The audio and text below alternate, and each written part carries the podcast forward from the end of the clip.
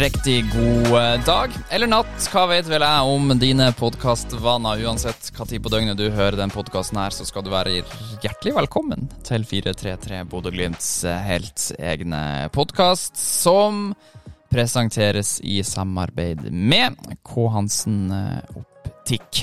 Som du allerede har skjønt ut ifra episodebeskrivelsen og tittelen på episoden, så er det en litt spesiell versjon av 433 i eh, dag, eller denne uka. Eh, Sondre Brunstad Fet er gjest som eh, man er vant til, at, at, vi har en gjest i disse episodene. Men det er ikke jeg som skal lede deg gjennom eh, denne episoden, for eh, to studenter, journaliststudenter ved Nord universitet, de laga en eh, podkast sammen med Sondre Brunstad Fet, og den var såpass god at jeg spurte de om ikke vi kunne få lov til å bruke den her hos oss. Så istedenfor at du skal sitte og høre på meg jabbe i vei i en times tid, så skal du få bli med han Thomas Fredrik Christensen og han Aksel Joramo Lysne inn i Sondre Brunstad Fets verden. Så jeg setter over til de og ønsker deg Oi, unnskyld. Det er godt jeg skal slippe det her. Jeg ønsker deg god lytting den neste bitte lille timen. Dagens gjest har over 100 kamper for Ålesund og over 50 kamper for Glimt. Han er Bodø-Glimts nummer 19 og Crystal Palace-fan. Han kunne potensielt vært både VM- og OL-mester, men har isteden vunnet både Eliteserien og Obos-ligaen. Han er fast inventar på det som har blitt kalt tidenes norske midtbane. Som vi hører, er dagens gjest rett og slett fette bra. Velkommen, Sondre Brunstad Fett. Tusen takk. Fin intro. Men jeg må rette på én ting. Jeg er jo ikke da eh, Crystal Palace-fan, men Manchester United-fan. Nei, men kan du skjønne hva jeg mener med at du er Crystal Palace-fan? Ja, jeg kan godt skjønne hva du legger i Crystal, at jeg er Crystal Palace-fan. Har du lyst til å fortelle litt mer om eh, akkurat det? Ja, vi hadde jo en voldsom eh, FM-save, altså et eh, fotballmanager, som det er kalt. Det er et eh, dataspill der du eh, styrer og kontrollerer et lag. Så var vi, når vi var i Marbella, så var det jeg og Vegard Moberg og Patrick Berg og Fredrik Bjørkan som lagde en online save, og da var jeg da manager av Crystal Palace, og det, det er jo et lag jeg følger litt ekstra med på. Eh, har dere fortsatt med det etter at dere kom hjem fra treningsleir? Eh, nei, det har vi ikke gjort, så eh, det spørs om vi må ta opp den hansken snart. Så enn så lenge så er du da mester, da, eller? Uh... Nja, det gikk aldri av med å, å klare å, å vinne tittelen, så jeg kan jo ikke kalle meg mester ennå. Så det er Bjørkan som får den tittelen, da? Enn så lenge. Ja. Nei, da burde du kanskje få, få litt revansj en eller annen gang, ja. Ja, jeg, jeg, håper det. Jeg håper det. Men så du sier at du har fulgt med ekstra på Crystal Palace nå siste tida, da, pga. saven? Ja, litt mer. Jeg, jeg følger litt mer med enn det jeg gjorde tidligere, ja. ja. ja. Eh, men Manchester United eh, hvor lenge har du vært fan av de, siden du var barn? da? Ja, det er fra barndommen. Tidlig barndom. Så jeg tror nok eh, Jeg som flere andre, så var jo Solskjær involvert i den uh, greia. Men hvordan blir det når man er fotballproff selv? Fortsetter man da å være fotballinteressert i andre lag, eller? Ja, altså, jeg følger jo uh, Jeg er ikke så blodfan som jeg var da jeg var yngre, men uh, jeg, det er jo favorittlaget mitt utenom det jeg spiller på sjøl, så jeg følger jo med. Mm. Vi har hørt at du var ganske blodfan av fotball generelt når du var yngre. Um, hvis jeg sier eh, fotballkort og bruskorker, sier det deg noe? Ja, det var noen heftige, spektakulære fotballkamper som foregikk opp i opp i senga der, for å si det sånn. Her, jeg brukte jo da fotball, fotballkort og så eh, bruskorker da, som eh, eh, som fotball. Så jeg brukte fotballkortet, og så skøyt jeg liksom nede på sida sånn. Så skøyt jeg liksom eh, bruskorka. Altså, det var noen heftige fotballkamper jeg så på meg der. da. Og Hvor gammel var du når du drev på med det her? Uff, det er ikke så enkelt. Jeg var jo litt, var jo litt ung, da, men um, ja, du rikker ikke på med det nå, nei? Nei. nei. det, jeg måtte legge vekk, legge vekk det, dessverre. Kanskje greit for din forlovede at det ikke er masse bruskorker under puta. Ja. men uh, du har slutta med det, men driver du fortsatt å spille fotball i stua? Eh, nei, jeg også roer litt ned på den eh, siden jeg flytta ut hjemmefra, så jeg måtte roe ned litt mer. Ja, for det har vi fått uh, høre av noen at uh, det gikk for seg i den uh, stua på Vestlandet der. Ja, det var ganske sånn fin opplagt til ei fotballbane inne i litt sånn avlangt område der, så vi, jeg og min far, kunne spille og sparke litt fotball til hverandre der det gikk litt hardt for seg. Både det ene og andre, så knuste det da. Etter hvert der. Hva syns eh, mor om det, da? Nei, hun var vel ikke den så aller størst fan av den uh, fotballsparkinga innendørs, men uh, hun så at jeg koste meg såpass, og uh, hun, uh, hun tillot det. Ja, for vi har hørt at uh, moren din hun var jo ganske støttende om akkurat da fotballdrømmene dine i barndommen. Ja da, det, det er klart hun eh, Når jeg gikk i barnehagen, så eh, hadde ikke noe fotballag, da, men uh, søstera mi, som er to år eldre, drev og spilte litt fotball med guttene da. Eh, så eh, var jeg jo ganske bra til, til alderen, da. Så da tok hun på seg sånn oppmann-ansvar for uh, de som var to år eldre enn meg på den tida. Sånn at jeg fikk lov til å bli med og trene og spille kamper med dem. Så hun lurte systemet ditt for at du skulle få starte tidligere? Ja, det kan du si. Eh, men eh, var konkurranseinstinktet allerede på plass i en så tidlig alder? Veldig. Det var det, ja. Det ble mye grining og tårer som kom når det ikke gikk helt min vei, da. Så, og det var både på fotballbanen og utafor banen. Ja. Som er da litt type eh, spill og altså, brettspill og kort og diverse. da gikk det hardt for seg. Ja. Du er en av de som slår hele monopolbrettet over ende hvis det går dårlig. Ja, du kunne, kunne vært det, men jeg har ikke gjort det. Men det kan komme til å skje. Ja. Vi har også fått høre at eh, det var en gang konkurranseinstinktet gikk såpass langt at eh, det var en kompis eh, av deg som var bedre enn deg i svømming. Og da nekta du å Ja. svømme mer. Ja, da Jeg skulle ikke ha noe å tape, så det, det gadd ikke. Har du klart å ta opp igjen svømming etter det, da? Ja Jo da, men det er jo ikke Det er ikke alltid blitt så mye tid til å svømme, da, men eh, klart eh, Jeg har jo svømt etter det, da, så jeg helt eh, lagt vekk, har jeg ikke. Nei, ok, så bra. Men det nevnte vi også så vidt i introen, at eh, det er jo en annen sport hvor du også var ganske god i barndommen. Eh, hvilken idrett var det? Nei, det var langrenn, så jeg drev på med fram til jeg var 15. Og vi sa jo at du potensielt kunne vært en OL- eller VM-vinner. Eh, og det høres ut som du skjønner hva vi legger i akkurat det. Jo da, eh, jeg har jo jo sett at jeg, jeg slo jo han eh, Johannes Østfold Klæbo i ett et løp som vi begge deltok i. Så eh, Men klart, det er jo en lang vei fra du er 13 til å bli olympisk eh, mester, da, så Jo da, men det må jo være lov å kunne skryte litt, da. ja, ja, det, det, det er fint å ha på CV-en. Ja, ja, ja. Um, men uh, vi har også et uh, lite spørsmål fra en lagkamerat. Kan du fortelle litt om eh, forholdet mellom føttene dine til resten av kroppen?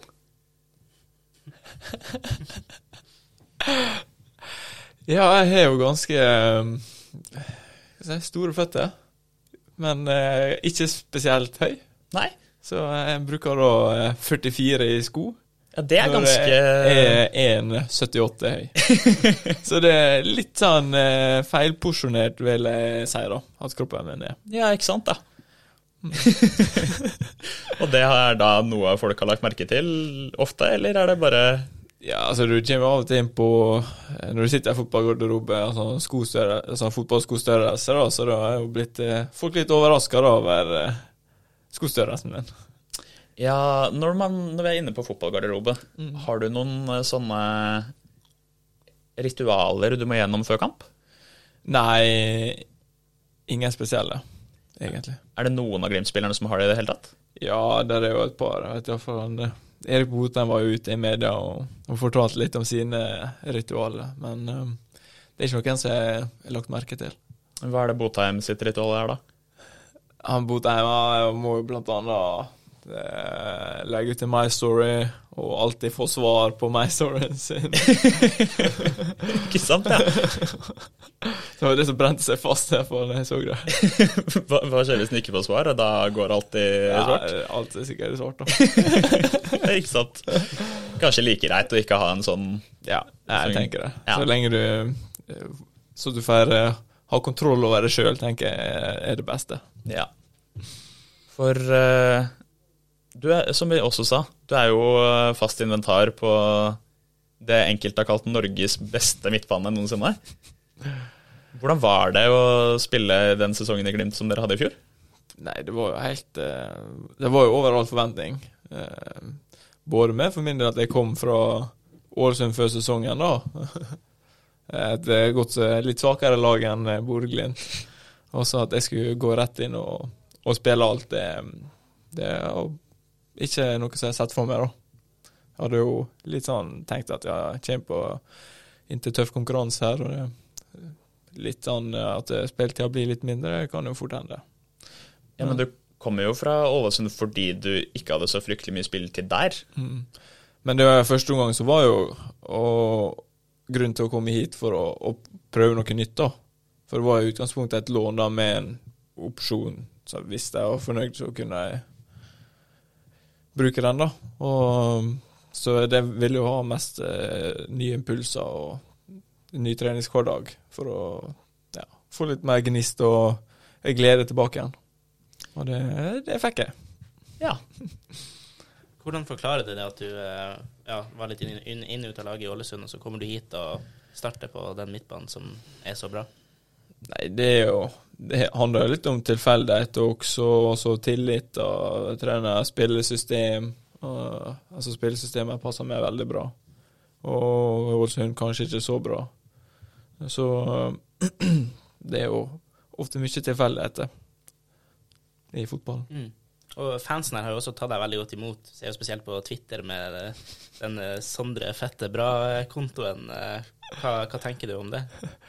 Nei, det er jo artig å bli tatt såpass bra imot. Altså, folk her er jo kjempehyggelige og støttende. Og, så i tillegg er jo bare litt artig med en sånn Twitter-konto. Er du ofte inne og sjekker på den brukeren, eller? eh? Ja, det kommer jo Hvis det er noe, så kommer det ofte opp i feeden, så jeg får jo med meg stort sett det som skjer. Er det en sånn eh, bruker som hele laget følger og tuller Ja, med? Ja, det, det er mange som har fått med seg den, eh, så jeg regner med det stort sett alle nå veit om den. Men eh, det er jo godt å se at uh, du syns det er så gøy med en sånn konto, for vi har også fått beskjed fra en lagkamerat om at du smiler jo hele tiden. Jeg er jo veldig positiv av meg, da, og jeg smiler Ja, det er bare sånn jeg Altså kommer det ingen vei hvis du skal gå rundt og være sur og, og grine etter i verden, så Nei, for uh, det er ganske tydelig for når vi har gjort research, at uh, du er en gladgutt, rett og slett. Ja, rett og slett. Ja. Det har også vært eh, noen som har sagt at du er litt for snill og skikkelig. Ja, det, det kan du nesten si. At uh, det er jo ikke en som roper høyest eller har de skarpeste skuldrene eller er det sant, da, men uh, jeg føler jo det handler om, eh, spesielt utad, å vise at du er, er glad og har lyst til å bidra med humør og energi. Men hvordan går det å være så snill og skikkelig og sånn når man skal ta for seg på en midtbane i norsk fotball og i en tøff kamp mot Mjøndalen f.eks.? Nei, det Du må jo Du kan ikke gå rundt og være snill og forsiktig på fotball, fotballbanen, men det, det føler jeg klarer greit å skru om og, og ha den rette innstillinga når, når jeg går ut på trening og, og kamp. Men eh, har du plukka opp noe eh, noe tøffhet fra din eh, tidligere lagkamerat Fredrik Halsen, kanskje? Ja, altså han er jo en, eh, absolutt en å, en å se opp til når det kommer til den, eh, til den fronten. Han er jo en som alltid har gått foran i krigen, og tøffhet og aggressivitet, og som den ledertypen han er. Så ja, han er absolutt et bra forbilde der. For du spilte jo på et ganske profilrikt Ålesund-lag, egentlig. Eh, hvordan var den tida? Nei, klart det det var litt tøff eh, Det var jo mange gode spillere. Eh, samtidig så var det en tøff periode for klubben.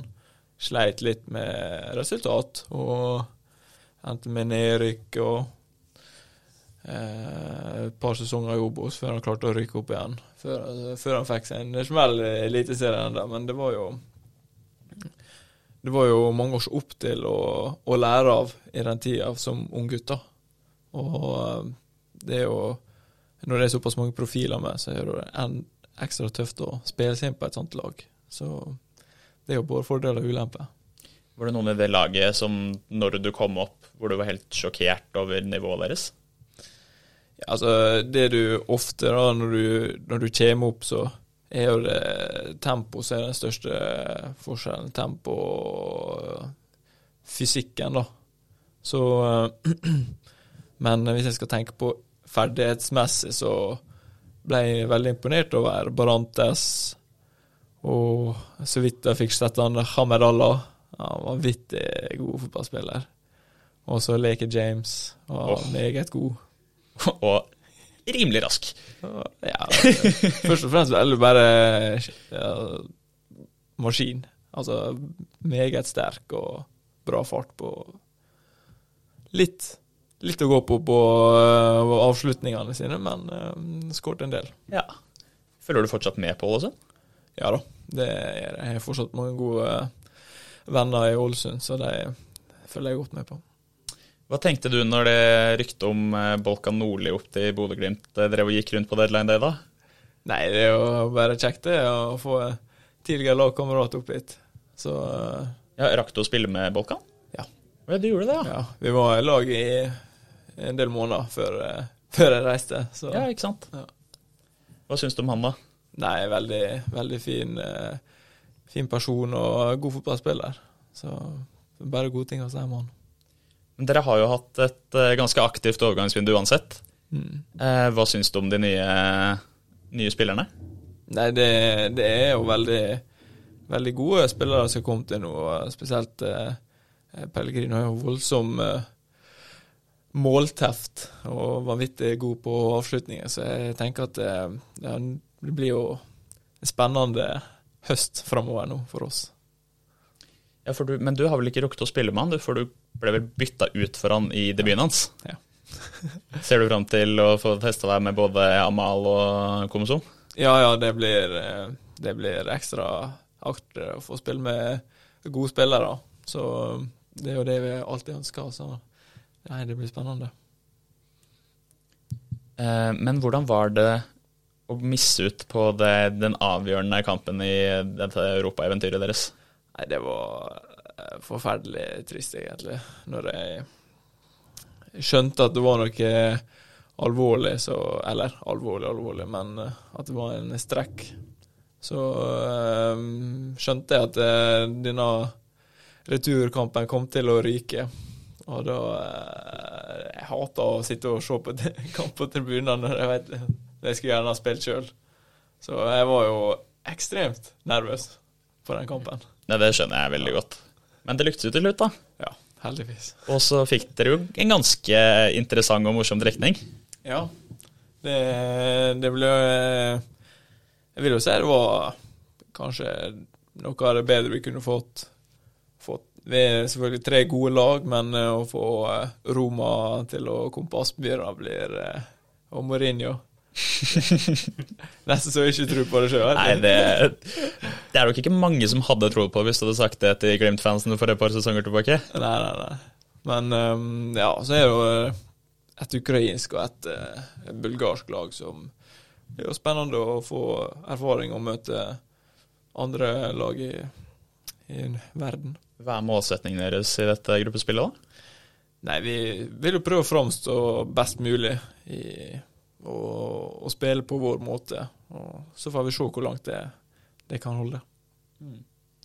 Hadde dere noe opplegg med klubben når den trekninga skjedde, eller bare satt man hver til sitt og Nei, vi var eh, en del på Det var treninger, så det var litt spredt rundt omkring på Aspmyra. Men hvordan var stemninga når du fant ut eh, hvem eh, dere skulle møte, da? Jeg ble eh, bare positivt overraska. Bare, bare smila eh, som, Som som, alltid. al- som alltid. Ekstra stort smil denne gangen her, da. Så nei, det Jeg ble, jeg ble jo glad, da. Så det er noe å- jeg gleder meg ekstremt til. Du har jo møtt uh, italiensk motstand før, uh, senest i fjor uh, mot AC Milan på San Siro. Eh, fortell litt om den kampen. Hvordan var det å spille mot Ja, så store stjerner? Det var eh, det, Nesten det største var å gå ut på San Siro dagen før, for da hadde vi trening på eh, San Siro. Så det tok en liten stund før jeg klarte å fokusere på, på det som skulle skje, da. At jeg skulle ha trening. For jeg gikk bare rundt litt sånn i min egen verden og så litt rundt opp på tribunen. Og Nei, det var også selve kampen, så leverer jo en, en veldig god figur mot, eh, mot et bra lag. Så eh, vi burde jo bare være stolte av den kampen vi hadde mot eh, AC Milan. Ta med den god opplevelse av boka. Ble du overraska over at dere hadde et så høyt nivå inne i det, laget deres? Vi, hadde jo, vi har jo fullst av kvalitet i laget vårt, så det ble ikke akkurat overraska, da. Men eh, det er klart at du går ikke inn og forventer at du skal overkjøre et eh, lag, da, som AC Milan, uten at, uten at vi gjorde det, da. Men uh, vi matcha det jo fullt ut. Ja, og dere var jo bare ett eh, litt heldigere spark på ballen for å være veldig nær å kunne ta dere videre mot en så ja. europeisk gigant. Ja, ja. Så det er klart. Nei, vi, som sagt så var vi eh, stolt av den eh, prestasjonen vi leverte der. Eh, og det endte jo da med at Jens Petter Hauge forsvant til eh, AC Milan. Og, men du spilte jo også med han i Ålesund, du. Hvordan var det? Stemmer. Nei, eh, Jens Petter kom jo til Ålesund på lån og skulle jo eh, fått spilt mer enn det han gjorde på, på den tida. Men eh, som sagt så spillestilen vår passa ikke helt inn til hans spillestil, og da hadde ikke han eh, ei rolle som passa han veldig godt, og derfor ble ikke det så mye spiltid for eh, Jens Petter i Ålesund. Eh, Men han har jo tatt voldsomme steg fra den tida til, til i dag. Så du må bare jobbe hardt, så kan eh, ting snu fort i fotballen. Det er ikke lenge siden han spilte fjerdedivisjon med Ålesund 2. Men hva, hva tror du Ålesund må tenke når de både hadde deg og Jens Petter i stallen, og så ser du nå hvor, hvordan dere har gjort med Bodø-Glimt, og hvordan Jens Petter nå gjør det internasjonalt? Nei, de, de ser jo at eh, de må kanskje eh, ta vare på de spillerne som er i klubben, og, og tenke litt over hva, eh, hvordan han skal benytte seg av spillere, og hjelpe spillere med å utvikle seg best mulig. Så, men klart, det, det, det er jo tilfeldig. Det er jo tilfeldighet i fotballen. Så at eh, jeg skulle komme hit og, og spille såpass masse, og Jens Petter skulle ta såpass masse steg eh, så fort, det er jo vanskelig å, å spå.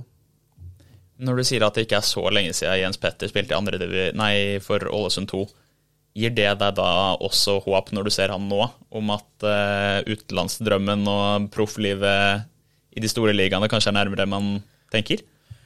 Ja, altså Jeg tenker jo det at uh, alt er jo mulig. Så er du, er du litt heldig og, og spiller et par gode kamper og foran, eh, foran de rette folka, så, så er veien kort. Ja, vi så jo hvordan det gikk når eh, Jens Petter spilte mot Milan, så kanskje du kan gjøre noe da sammen mot Roma, så Bare lov å håpe og drømme. Så er ikke Mourinho på besøk her, du er rett og slett på laget hans, men uh, vi får se. Vi får se. Men uh, denne midtbana i Bodø-Glimt, du, Patrick Berg og Ulrik Saltnes, hvordan har dere fungert så bra sammen? Jeg vil jo si at eh, det handler jo om at laget rundt oss også har fungert veldig bra.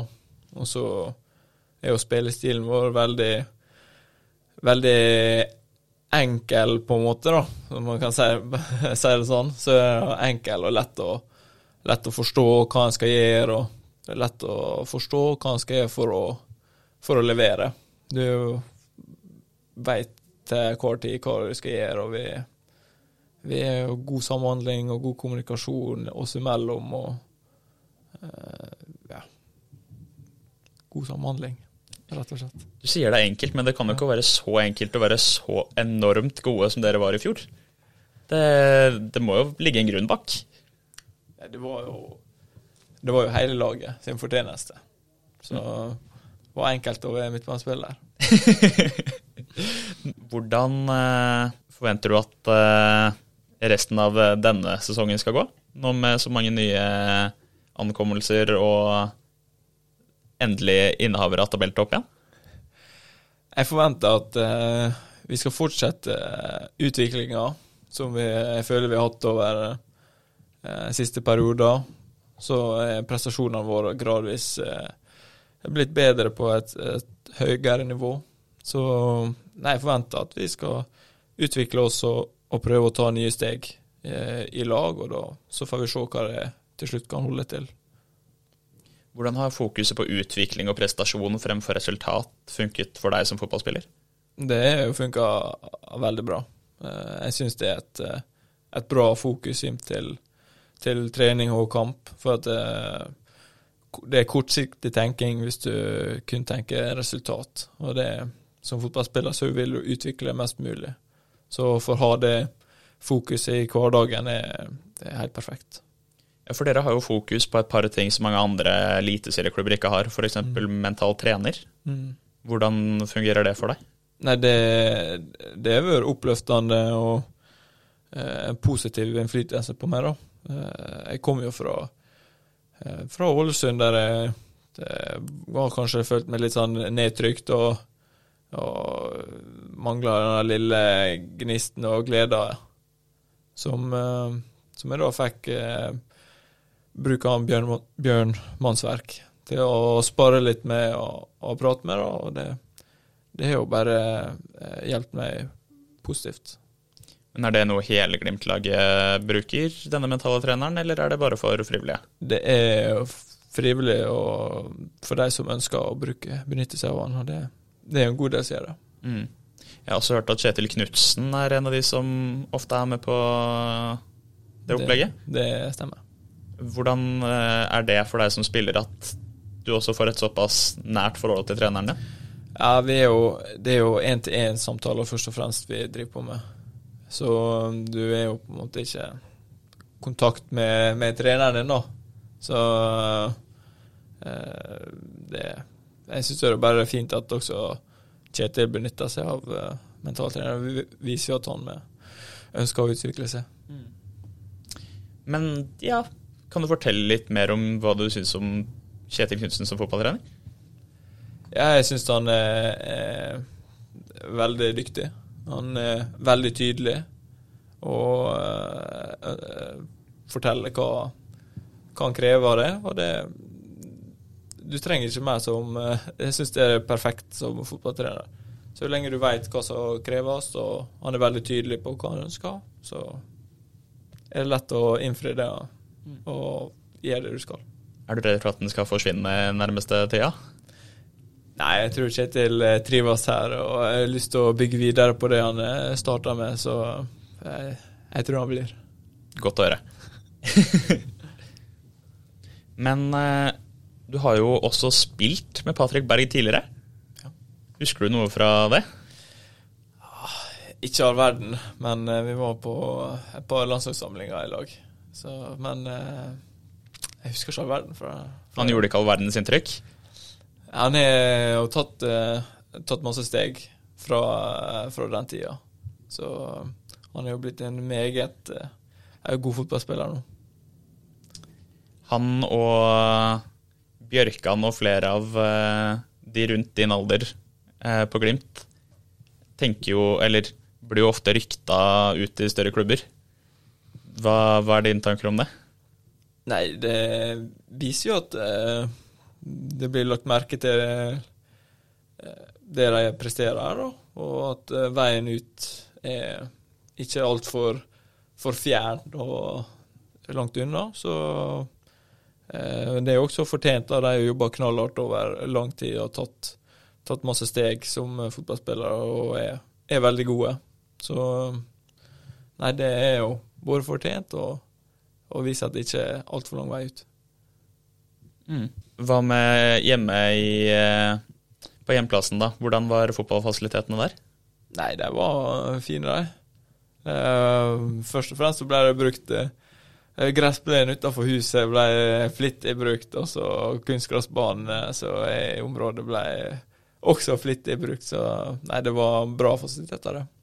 Ja, for vi har hørt at det var ganske mye opp og ned eh, i terrenget rundt eh, denne plenen og huset deres, og at det var en del henting hos nabo. Ja, jeg tror kanskje det var et par naboer som ble litt lei, for vi er ganske vi ligger jo, Huset ligger litt sånn opphøyd, på en måte, så det er en ganske bratt skråning nedenfor eh, plenen, og da triller det titt og stadig ned en, eh, en fotball til naboen eh, nedenfor. Så etter hvert fått et ganske nært forhold med de nærmeste naboene. da. Ja. Ja. Vært en del på ufrivillig besøk. Ja. Ja.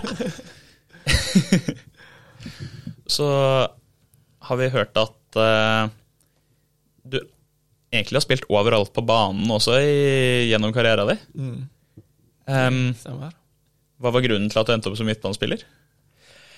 Det er jo til slutt eh, der jeg følte jeg hadde best potensial til å, til å gjøre det bra. Så eh, det var vel derfor eh, valget ble som det ble til slutt. Så selv om du til tider har sovna med keeperhanske på i ung alder, så valgte du ikke bli en 1,88 høy keeper?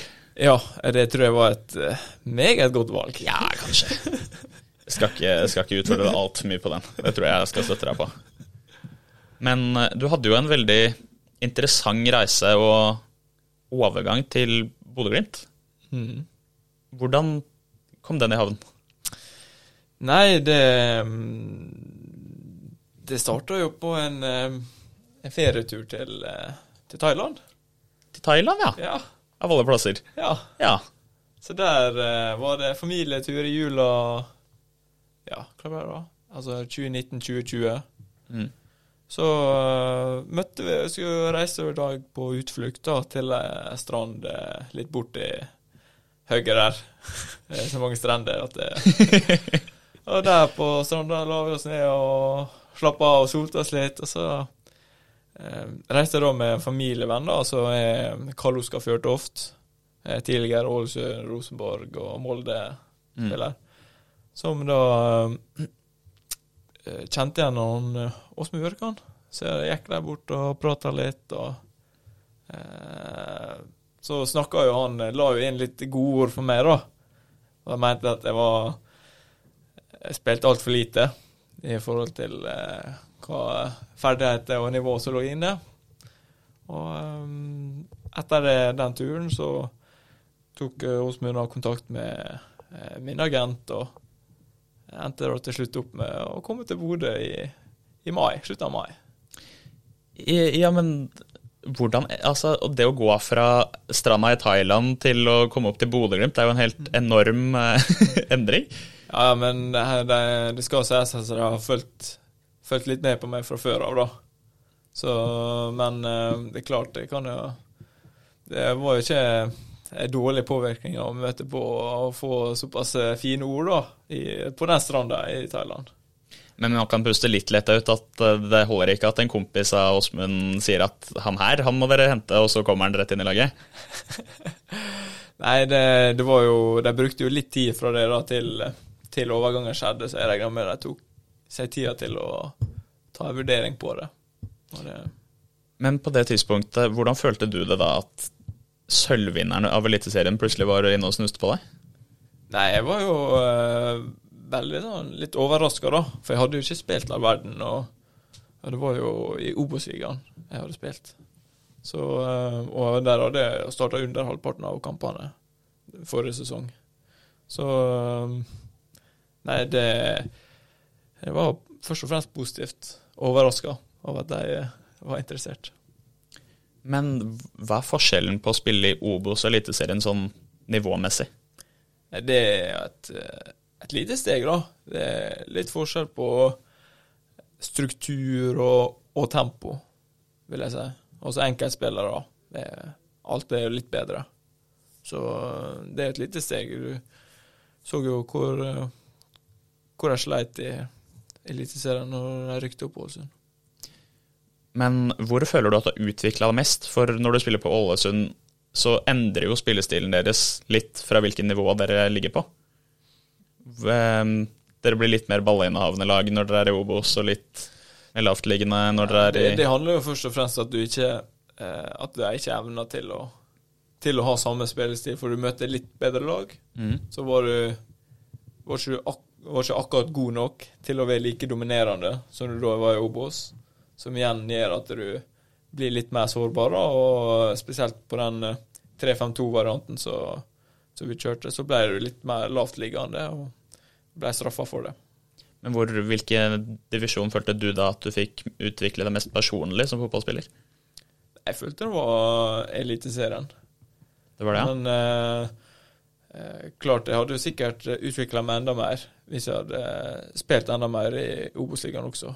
Men det er jo eh, å komme hit da og være en såpass god treningsgruppe og spille kamper i Eliteserien, så merker jo du sjøl at du tar nye steg kjappere. Mm. For du må hele tida være på tå hev. Ja. Hvordan, kan du forklare hvor, hvordan spillergruppa i Bodø-Glimt er? Om hvor samkjørt dere er, og hvordan det har skjedd? Den er, jeg kan jo ikke Jeg har ikke vært altfor lenge, da, bare litt over et år nå.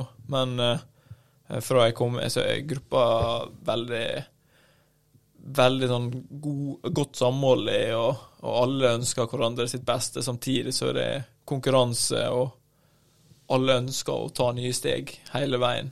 Og, så det er veldig sunn og god garderobe, da. Kulturen er helt eh, fantastisk. Det virka jo spesielt eh, som at dere hadde en, et veldig godt samhold i gruppa når eh, Marius Lode og Patrick Berg eh, måtte sitte på koronahotell når dere vant seriegull. Hvordan var den opplevelsen, både for deg og dem, kanskje, hvis du har hørt noe om det? Ja, jeg vet at de satt, eh, satt veldig pris på det, for de hadde ikke hørt noe om det. Så dukka vi opp uh, utafor det, så det satte de veldig pris på. Og jeg syns det er på sin plass da, at, de, at alle får være med og, og feire. da. Spesielt uh, de også er jo to viktige bidragsytere. Hvordan feira du egentlig seriegullet?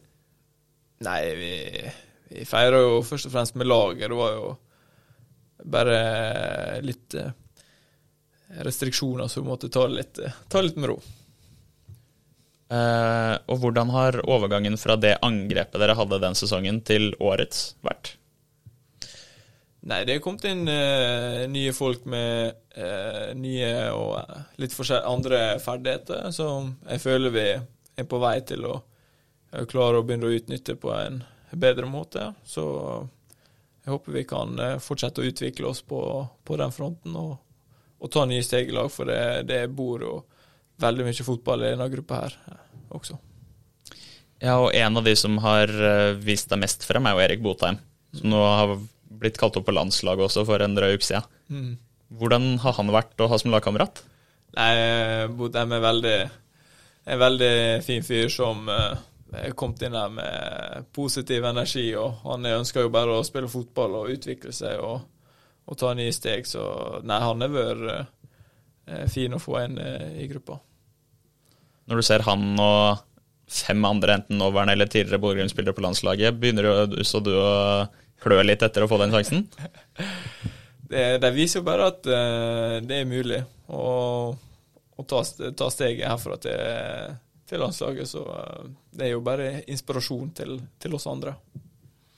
Jeg skjønner de, de nærkontaktene dine som sier at du er jordnær og bare glad og sånn, for det er, du, du er påpasselig i svarene dine. Det skal du ha.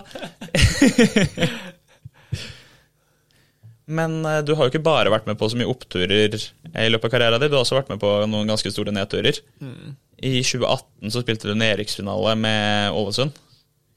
Ja. Eller opprykksfinale var det vel. Ja, opprykksfinale var det, men uh, det lyktes ikke.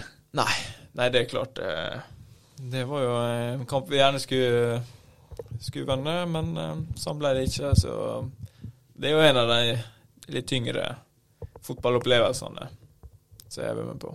Hvordan takler man en uh, sånn uh, hendelse etter at du har vært jobba så hardt og kontinuerlig gjennom en sesong, og så stopper det rett før du når det siste målet? Nei, det var jo ekstra uh, skuffende den sesongen, for vi leda jo lenge den sesongen, og så gikk vi på en dårlig rekke helt på slutten av sesongen, som gjorde at vi havna utafor de to øverste plassene. Så gjorde det at vi måtte gjennom eh, kvaliken, og så tapte vi den. Så eh, du var jo ekstra, ekstra skuffa, for du følte du hadde det, det var så nært. Så nei, for min egen del så var det å, å gi det litt tid, og bare prøve å, å tenke litt på, på andre ting. Så snudde jeg om etter hvert og bruker det som ekstra motivasjon inn mot en ny sesong. Ja, Blir man litt smålei i fotballen når sånne ting skjer? Nei, ikke Det kan hende noen som blir, men ikke for min egen del. Jeg blir jo først bare litt sånn uh, lei meg og så oppgitt. Så før det går over til litt mer sånn uh, skulle du si sinne, da. Og du har lyst til å, å rette på det. Så um, det klarer jeg har lyst til å bruke inn mot en ny sesong til motivasjon. Men det er jo fryktelig mange fra akkurat det oppgjøret der som har uh, utvikla karrieren sin ganske kraftig siden den gang. Mm. Dere møtte jo også et Stabæk-lag som eh, nå i ettertid ser helt enormt ut på mm. papiret. Med Ohi og Frank Bolli og Hanke Olsen og Rune mm. Nilsen. Ja, ja, ja. Så det er jo klart at eh, vi følte jo at vi hadde, vi hadde den kampen også til så det, Vi leverte jo en, en bra prestasjon akkurat i den kampen, men vi skulle gjort det tidligere i sesongen. Men det er også en annen uh, Ålesund-sesong som jeg har litt lyst til å høre litt med deg om. I 2016 så hadde du to lagkamerater som er blant de største fotballprofilene i Norge de siste 15 åra. De Riise-brødrene. Hvordan var det? Nei, det er klart at å få inn uh, spesielt da Jon Arne var jo Det ble jo voldsomt eh, medieoppstyr og, og slik, da. Og mm, han er jo en eh, Du ble jo litt starstruck da han kom, spesielt da for min egen del. Selv som United-fan? Selv som United-fan. Så eh, Men det var jo litt kjipt at eh, de ikke klarte å, å benytte seg av han den siste tida han hadde han som eh, fotballspiller. Så han ble jo litt brukt litt feil som gjorde at jeg ikke fikk noe ut, god uh, bruk av han da, og klarte å utnytte han på en god måte. Ja, Du var ikke helt fornøyd med hvordan eh, Jon Arne ble brukt i den lille perioden? Nei, det er jo litt dumt å skal flytte en venstreback til å plutselig spille offensiv midtbane og sentralt, så Spesielt på den tida av karrieren som han var, da. Så må, jeg følte jo det måtte ha blitt enten eh, venstreback eller som midtstopper for å kunne benytte seg av han. Men lærte du noe av han og Bjørn Helge i den eh, perioden du hadde med dem? Ja da, jeg tok det med læring, og de delte litt sånn erfaringer da jeg hadde hatt, eh, hatt fra tidligere. Så eh, det var fint å, fint å, få litt input. Er det en av de største profilene dine fra barndommen, siden han var fra området, eller hvem var det? Nei, jeg var veldig svak for, uh, som sagt, Manchester United. Så forbildet mitt fra jeg var ung, var jo Wayne Rooney. Wayne Rooney, ja. ja. ja. ja. Vi får håpe at du har en litt bedre karriereutvikling enn han. ja. Sånn når alderen kommer. Ja, ja. Jeg tar det gradvis, steg for steg, mens han var jo veldig god som ung og dabba av etter hvert. Så ja. jeg tar det litt annen, annen retning. ja. Eh, men eh, han er jo også en helt enorm angrepsspiller. Eh, samme som de du spilte med i fjor. Følger du fortsatt med på de tre, de som har forlatt Glimt? Ja da, det, det er klart det er. Jeg er jo veldig nysgjerrig og interessert i å se hvordan de tar nye steg. da. Eh, så både for, for deres del og også for min del, å se hva, hva nivå som er mulig å ta på en god måte. da. Men har du sett Kasper Junker spille siden han forlot Glimt? For det er vel kanskje ikke det enkleste å få med seg? Nei, Men eh, jeg prøver å følge med på litt sånn med highlights og, og sånt, da. Litt, eh, tidsforskjellen er jo ikke helt, eh, helt på lag der, da. Har vi veldig mye mer, eller skal vi ta en eh, kjapp liten quizrunde av eh, Sondre? Vi kan prøve litt uh, spørsmål. Skal vi det? Du som er så ekstremt jordnær og beskjeden og sånn, du blir vel fantastisk glad når du får vite at uh, det er en quiz om deg? Nei,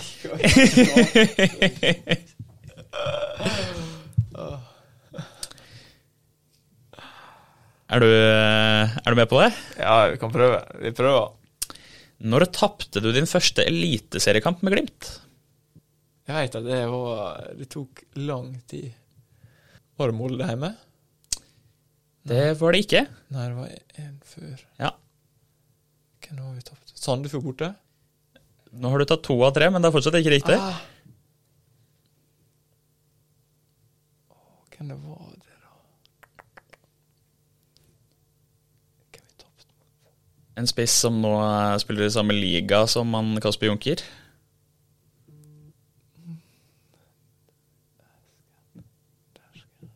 Jeg er så heistilt. Mushaga Bakenga. Odd, ja. Ja. Men det betyr da altså at du gikk gjennom hele fjorårssesongen uten å tape.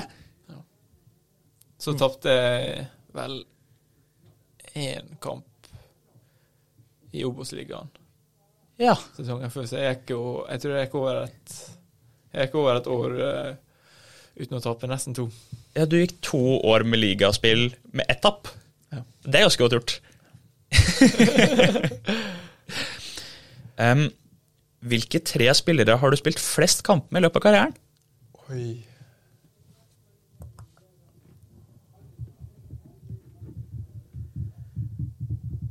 Det må jo kanskje være da Fredrik Karlsen. Det er en av dem. Andreas Lie. Det er en av dem. Årbjørn Lie. Tre av tre. Der er du sterk. Meget sterk. Videre så kommer Daniel Gretarsson, Trandarsson, Ramstein og Adam Ørn Arnarsson. Men hvilken Glimt-spiller har du spilt flest kamper med? Ja, det må jo være eh, Patrick, da. Han er én kamp bak lederen, selv med G18 eh, i beltet. Oi. Ifølge Transfermark, da. Det kan Ifølge- hende det ikke stemmer. Men vi tar høyde for at de har kontroll. Eh, altså, er Alfons Nei, han er nummer tre. nummer tre? Det Er Ulrik, da? Det er Ulrik. Ja. Ja. Så det er den, den midtbanetrioen. Den er ganske Ganske Dere henger i hop. Ganske intakt. Den største seieren du har vært med på i løpet av karrieren. Hvem og når? Og hvor mye? Er det Ålesund borte med Glimt? Nei, det er det ikke. Den er nærme, men ikke helt. Er det Strømsgodset hjemme? Men det er fra fjorårssesongen. Hvem og sånn, da? Nei, de fleste. Hva hva vi slo Odd med? Nei, det var ikke så masse. Nei, det var et av lagene som rykka ned. Hva vi slo Start med, da? Var det Start? 6-0 6-0. slo dere Start. 6-0, ja. Men eh, som vi har vært innom tidligere i podkasten, det har jo ikke bare vært oppturer for deg. Nei. Hva er ditt største tap?